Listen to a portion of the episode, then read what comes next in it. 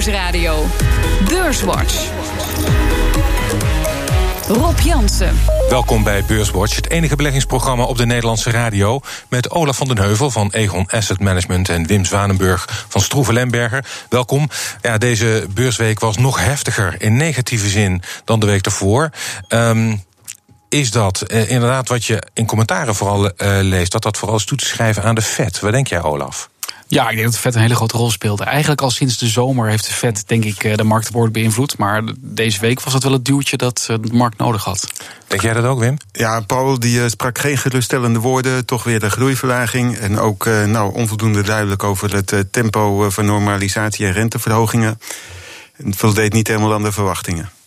Het was de week waarin Binkbank werd overgenomen door het Deense Saxo. Voor Jos Versteeg van Insinger Gillissen heeft het aandeel zijn glans al lang geleden verloren. Het gaat in die, in die hele brokerage-wereld allemaal niet zo makkelijk. En zeker niet uh, als je kijkt uh, naar de, de, brokers die echt op prijs willen concurreren. Er is de afgelopen jaren heel veel concurrentie geweest. En men was niet meer zo geïnteresseerd in Binkbank. Ik kan me nog herinneren dat ik opgebeld werd om alsjeblieft eens een keer met de CEO te komen praten.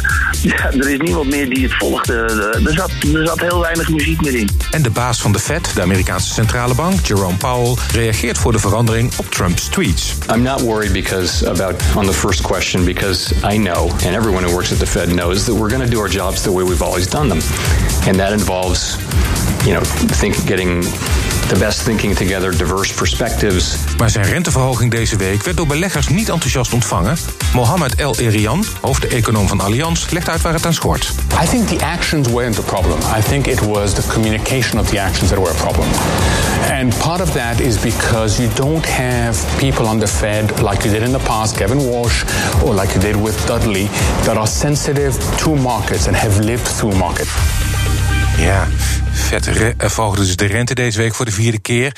Centrale bank uh, ja, die is ook voorzichtiger geworden over de ontwikkeling van de Amerikaanse economie. Powell houdt keihard vast aan zijn eigen beleid. Mm, zijn jullie het eens met uh, El Erian dat de Fed dit beter had moeten communiceren, Olaf? Wat denk jij? Nou, kijk, de, de markt was eigenlijk al vanaf de zomer aan het drukken. Van weet je, nog twee, nog drie renteverhogingen volgend jaar, dat is gewoon te veel, dat kunnen we niet aan. Hij moet afstappen van dat hele dogmatische van dit is het goede niveau voor de rente. Hij moet gewoon kijken naar wat de economie uh, zelf zegt. het feit dat de rente iets verhoogd is, is denk ik alleen maar goed. Die economie draait gewoon goed. Uh, de groei is veel hoger dan je zou mogen verwachten op lange termijn. Dus dat je daar een beetje mee speelt, is denk ik heel verstandig. Communicatie is denk ik heel lastig. Afgelopen donderdag of afgelopen woensdag kon hij het niet goed doen. Ja, uh, Wim, uh, het, er, is, er werd rekening gehouden door analisten dat er na dit rentebesluit dat we deze week hebben gehad, dat er op de, de tijd nog één zou komen. Er komen er volgend jaar waarschijnlijk twee. Dat vinden veel analisten te veel. Ja, als je, als je kijkt naar de, de vertraging van, eh, van, van de groei, maar ook bijvoorbeeld naar de inflatie, dan hoeft het helemaal niet. Uh, en, maar uh, ja, de Fed die denkt toch van we willen normaliseren, we willen op voldoende hoog niveau staan om straks weer gas te kunnen geven, de rente te kunnen verlagen.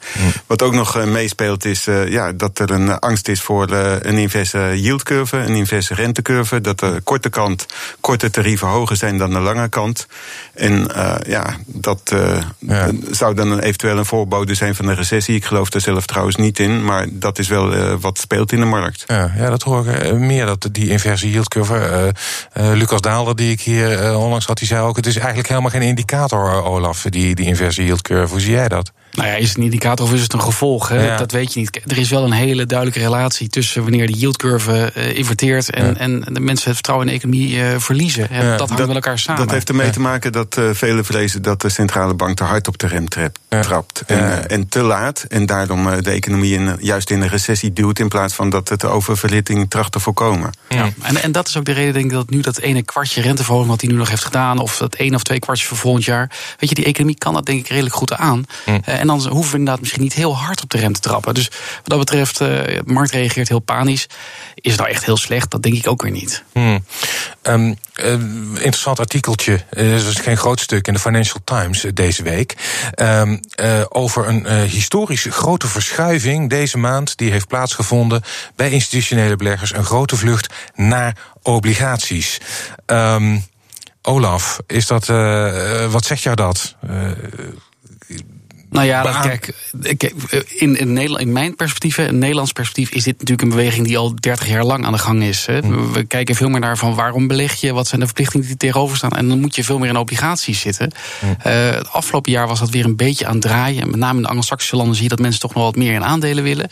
Uh, ja, het lukt niet. Het gaat niet meer. De groei is eruit. Dus gaan mensen naar wat veilige vluchthavens zoeken. Uh, ik denk overigens dat veel van die bedrijfsobligatiemarkten bijvoorbeeld... dat het helemaal niet zo interessant is momenteel. Hmm. Uh, en dat ja, je zag meerdere bewegingen. Want inderdaad zag je wel naar de, naar de government bonds, dus over eh, staatsobligaties. Ja. Afgelopen week zag je juist de, de spreads, de premie op leningen van bedrijfsobligaties... zag je juist enorm oplopen. Daar is geen liquiditeit in die markt de afgelopen weken. Hmm. Maar ja, de beweging naar staatsobligaties... het is gewoon een kwestie van aan de zijkant gestaan, want je doet het absoluut niet voor het rendement. Ik zie er geen enkele logica in. Je ziet eigenlijk dat bijvoorbeeld ook de Amerikaanse rente, die is weer onder de 3% uh, geduwd. Nou ja, in Amerika is nog wel een alternatief, in Europa absoluut niet, hè, met, uh, met rentes uh, die, die zelfs gewoon negatief zijn. Maar um, uh, dit is iets, hè, dit, dit wordt gesignaleerd bij institutionele beleggers. Zou je particuliere beleggers uh, aanraden om uh, ook wat meer in obligaties te stappen of juist niet? Nou, kijk, ik, ik, denk persoonlijk dat obligaties in Europa nu heel weinig opleveren. Ja, ik bedoel, de Duitse, weinig, Duitse rente op 0,25 nou, 0,25 ja, procent, 0,2 gisteren, dat is niet heel veel. Mm. En de factor als je korter leent, dan betaal je de Duitse overheid om jouw geld uit te geven. dat, dat is denk ik niet heel aantrekkelijk. Amerika 3 procent. En als je weet dat de Amerikaanse centrale bank de rente aan het verhogen is, maar minder hard gaat doen, dan is 3% misschien wel heel, uh, heel aantrekkelijk aan het worden. Mm. Um, als je bedenkt van ik ben een lange termijn belegger, ik beleg voor een pensioen, ik loop daar risico's, dan zijn obligaties denk ik een belangrijk onderdeel van je portefeuille. En hoe ouder je wordt, hoe meer. Hmm. Nou, ik uh, zie dat eerlijk gezegd wat, uh, wat anders. Want? Ik denk beter dat je uh, lange termijn portefeuille kan indelen in, laat ik zeggen, buckets, in, in, in delen.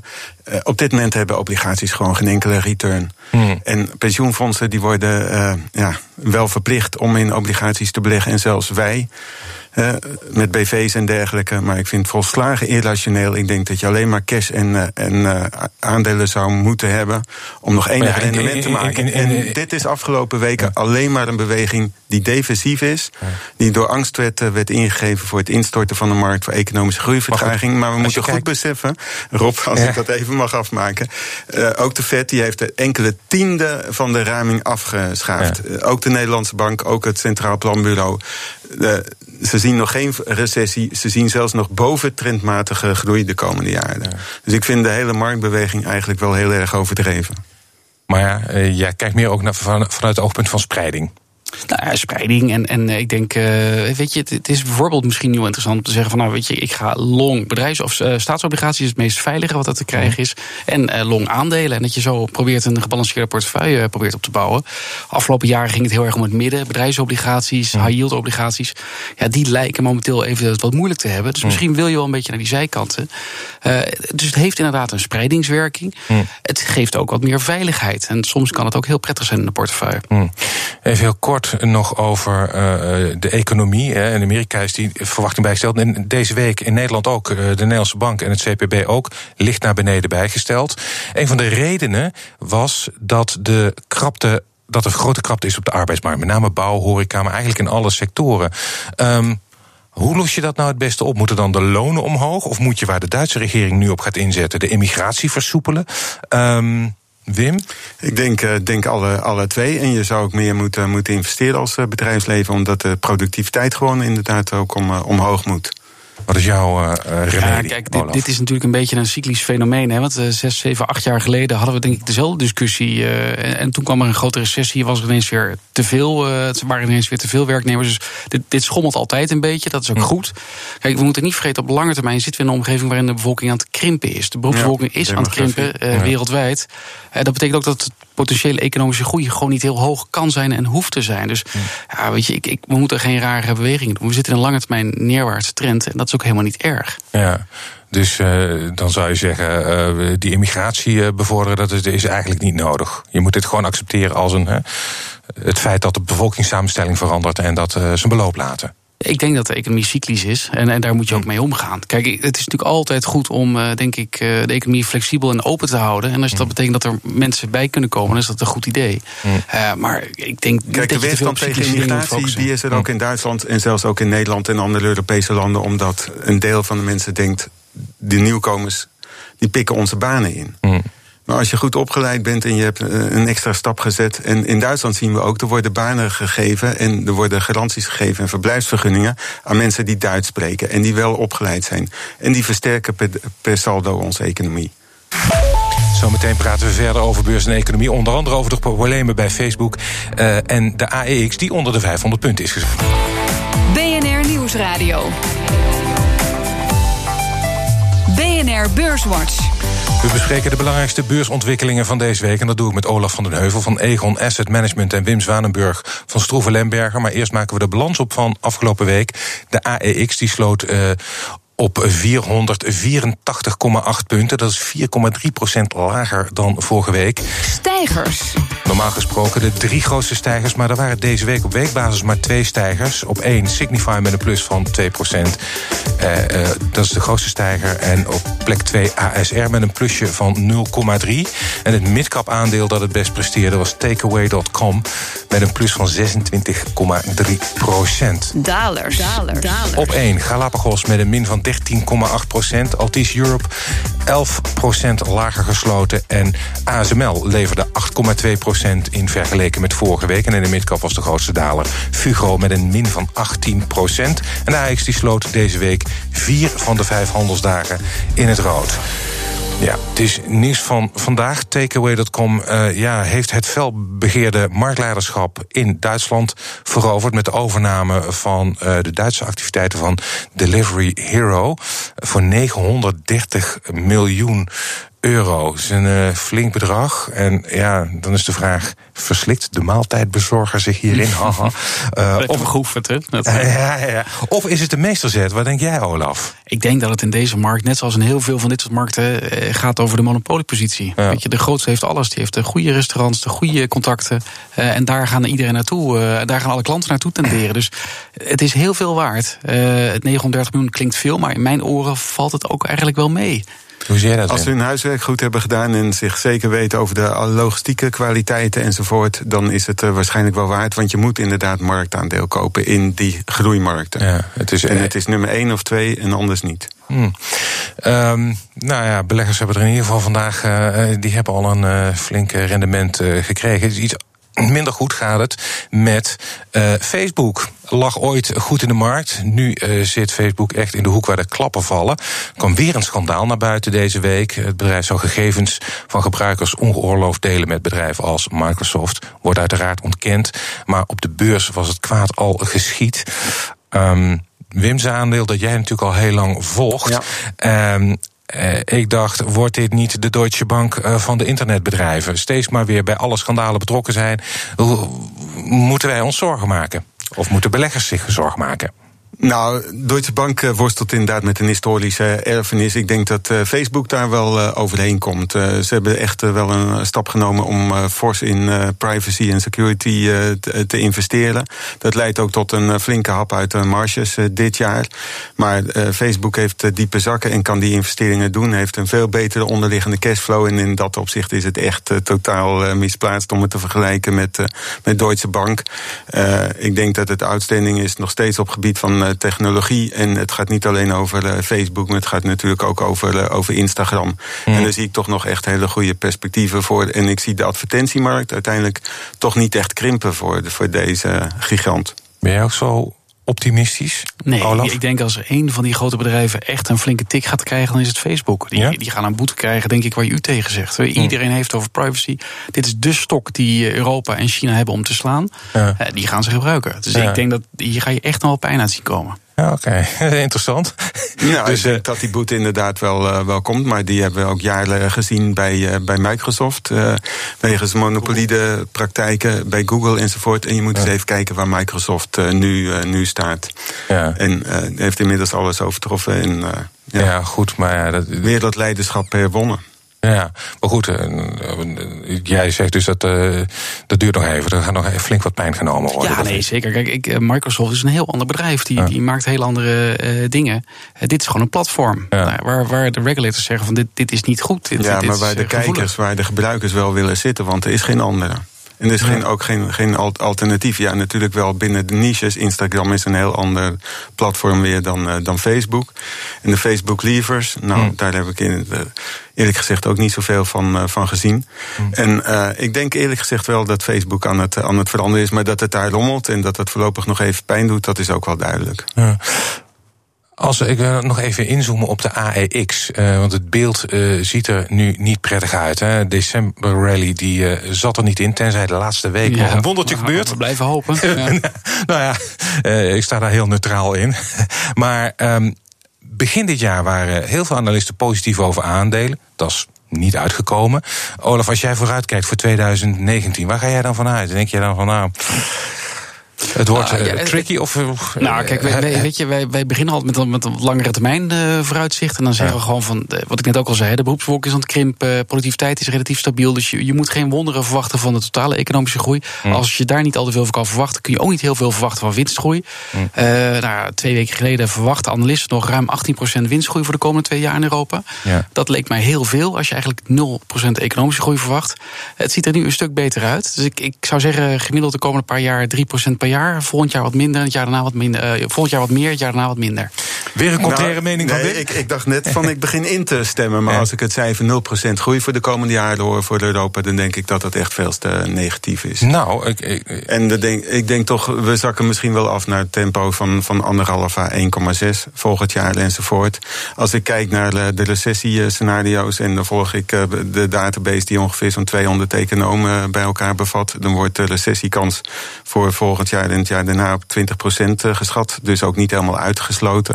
Ja, maar het maar gaat, Wim, als ik je mag onderbreken... het gaat natuurlijk niet om de, uh, uh, de database van 200 economen. Nee, maar ik kijk natuurlijk nee, ook naar... De en misschien ook dat de, de Duitse, ja. dat de Duitse economie in het derde kwartaal is gekrompen. Ja. De winstwaarschuwingen, niet alleen de auto-industrie... maar nu ook BASF, Fresenius vorige week. Dus er is wel al, wat aan de hand. Er, die zijn er altijd erop. Als je nu kijkt nee, naar het aantal nee, winstwaarschuwingen... Nee, dat volg ik ook toevallig. Als je nou kijkt voor de Amerikaanse markt bijvoorbeeld, maar ook voor de Europese markt. De negative to positive ratio die is altijd groter dan één. Dus je hebt altijd meer winstwaarschuwingen negatief dan positief. Maar wel in een maar die is periode. relatief. Ja, maar die is maar, relatief maar, zelfs ik, denk niet dat het verstandig is om ons precies op dat puntje Ja, te nou, voorspellen. Kijk, mijn, mijn insteek is van je hebt grofweg een krimp van 1% van de beroepsbevolking. Lange termijn productiviteitsgroei is pakken met Precies, de procent. daar, daar Dus ben ik, daar op je zei ik, daar ben ik het wel met je eens. Dat, eh, is gewoon niet heel dat- veel. Komend jaar denk ik overigens dat Duitsland wel wat betere groeicijfers laat zien. Ja? Eh, fiscaal gedreven, ja, dat, dat zit er al een beetje in. Eh, en in Frankrijk heb je natuurlijk ook een beetje een one-off in die cijfers. Maar dan nog, voor een bedrijf om dat te vertalen naar 10% winstgroei... dat is een Mm. uitdaging, denk Mm. ik. Er zit, een, er zit een, eh, altijd een, een leverage in. Dus je hebt 1 à 2 procent economische groei. En dan voor de topondernemingen misschien wel 10 procent eh, groei van de winst per, per aandeel. Ja, dat is een kwestie van eh, Ja. operational en financial hefboomwerking. En, en productiviteit in de meest succesvolle bedrijven. Dus je kan het niet één op één eh, stellen. Maar het is wel de economie, macro-economie is wel de motor. Maar ik denk niet dat die helemaal stil gaat vallen de Nee, komende maar, eh, 1 à 2 jaar. Nee, maar Olaf, jij Tenzij noemde, Brexit bijvoorbeeld totaal onheil wordt. dat is een, een, een risico. Jij noemde net eh, Frankrijk. Eh, Macron eh, die heeft eh, twee weken last van protesten van gele hesjes. En de geldkraan gaat open. Ja. Dat is toch zorgelijk, of niet? Nou ja, en het, eh, om het in een eh, ander perspectief te plaatsen. Frankrijk heeft ook de grootste, eh, het grootste deel van het GDP gaat naar de overheid. Het Ja. grootste belastingtake ter wereld. En meer dan Zweden of Denemarken, de echt de socialistische stelsels. Dus ja, ze hebben wel een beetje een probleem. Ik denk wel dat dit een probleem is waar je niet uitkomt door heel hard te bezuinigen. Dus ik denk dat een beetje investeren en dan met name hervormen het enige is wat Frankrijk moet doen. En dat hebben ze gewoon niet genoeg gedaan de afgelopen vijf, zes jaar. Ja. Daar zijn, daar zijn we het wel mee eens. Hè? Die, die, die afruil van eh, uitstel van, van bezuinigingen, maar dan wel hervormen. Hmm. En dat hebben ze onvoldoende eh, gedaan. En eh, daar heeft Macron toch onvoldoende overtuigingskracht gehad. Hmm. En ook moreel gezag verloren. Ja, Ehm, misschien ehm, eh, iets positiefs. Ik weet niet hoe jullie daar tegenaan kijken. En dan ga ik weer terug naar bedrijven. General Electric. Het bedrijf gaat heel slecht. eh, heeft een grote zorg, grote schuldenlast. eh, de, de dividend is geloof ik gehalveerd. of geschrapt zelfs. Geschrapt, dus ja. ja. maar ze gaan hun medische tak, en dat zijn eigenlijk de medische apparaten die Philips ook maakt, die gaan ze naar de beurs brengen. Ehm, dat is het plan althans. Wordt dat een interessant aandeel voor beleggers, Wim? Wat denk jij? Ja, ik, eh, ik heb nu uh, koersdoelen gezien die toch het uh, dubbele zijn van het huidige niveau. En die juist ook worden uh, met spin-off en het naar de markt brengen van de healthcare divisie. Mm -hmm. En daar zit echt, echt groei in. Ik moet wel nog zeggen, ik moet er nog heel specifiek wat, wat in kijken. Ik kijk wat meer naar specifieke medische instrumentenmakers. Mm -hmm. En dan kijk ik naar bijvoorbeeld robottechnologie, US Surgical en companies zoals Stryker. En die vind ik eigenlijk wat interessanter. Die bespelen echt niche groeimarkten. Terwijl, ja. Uh, GE Healthcare die zit op, uh, op de wereldmarkt met concurrenten, zoals ook uh, Philips en Siemens Healthineers ja. ja. enzovoort. En dat is dan toch een uh, wat moeilijkere markt. Ja. Maar de gezondheidszorg en technologie, dat, uh, dat groeit de komende jaren nog, uh, nog uh, behoorlijk. En dit is wel de groeipoot van, van GE, want het is ten onder gegaan aan de power systems. Hè. De, de energiegeneratoren en mm. turbomotoren en dat soort zaken. Olaf, hoe kijk jij aan tegen die afsplitsing? Wat denk je? Nou ja, het is wel een beetje bad company, good company wat je gaat creëren. Dus ik denk als obligatiehouder wil je daar heel kritisch naar kijken. Mm -hmm. uh, maar al met al lijkt het me heel logisch. Weet je, waar soms is het goed om een conglomeraat te zijn en soms wat minder. En uh, nu is het duidelijk in die fase. Ja, en, en gaat het nog gevolgen hebben voor Philips, denk je? Uh, dat bijvoorbeeld General Electric een, zijn oog laat vallen op, op Philips? Of denk je dat dat niet gaat gebeuren, Wim? Ik, uh, ik denk dat een overname niet echt uh, voor, voor de hand ligt. Uh, GE zal eigenlijk eerst zelf op, op sterkte moeten komen. En Philips wil niet zo graag overgenomen worden op dit moment. Volgens Zeker niet. GE Healthcare is geloof ik nu al winstgevender dan, dan Philips. Siemens ook trouwens. Maar goed, we zijn alweer bijna aan het einde van de uitzending. En dat betekent dat ik jullie mag vragen naar de tip voor de luisteraar. Olaf, wat geef jij als kersttip uh, aan, de, aan de luisteraar? Wat uh, zou je hem adviseren te doen? Nou ja, het komt hier wel vaker naar voren. Ik heb het ook al eens andere sprekers horen vermelden. Maar kijk, we hadden het net over monopolieposities, dat je die ja. moet hebben. We hebben er natuurlijk eentje in Nederland, ja. die ook weer flink afgestraft is. Dus dan zou ik nu toch uh, mijn kerstbonus zou ik in ASML stoppen. Waar gaat nou, jouw dat vind, ik, vind ik een hele mooie, maar ik kies voor FedEx. Dat kwam afgelopen week met teleurstellende cijfers en teleurstellende outlook. Maar de koers was in uh, vooruitlopend daarop al enorm uh, gedaald. Year to date is daar 37 uh, of meer procent van, van, van af. Mm. Ik denk toch dat dit een outstanding company is samen met UPS wereldwijd pakket bezorgen, profiteert van e-commerce. En ik denk dat die trend de komende jaren ja. aanhoudt. Ja, maar die, die, die, die uh, voorzichtigheid bij uh, FedEx zat onder andere ook in uh, zorgen over de Europese ontwikkelingen. Ja, ja zeker. Dus, dus maar, voor jou geen probleem. Um, ik denk dat ze wereldwijd hele goede netwerken hebben. En ze hebben daar ook voorzieningen voor genomen om zeg maar, de kosten de komende jaren te reduceren. Hartelijk dank uh, Wim Zwanenburg van Stroeven Lemberger en Olaf van den Heuvel van Egon Asset Management. Dit was Beurswatch. En als u wilt reageren, dan kunt u een e-mail sturen naar beurswatch.bnr.nl of tweeten naar Rob Jansenbeurs. Terugluisteren, dat kan ook via de site, de app, iTunes of Spotify. En graag tot volgende week.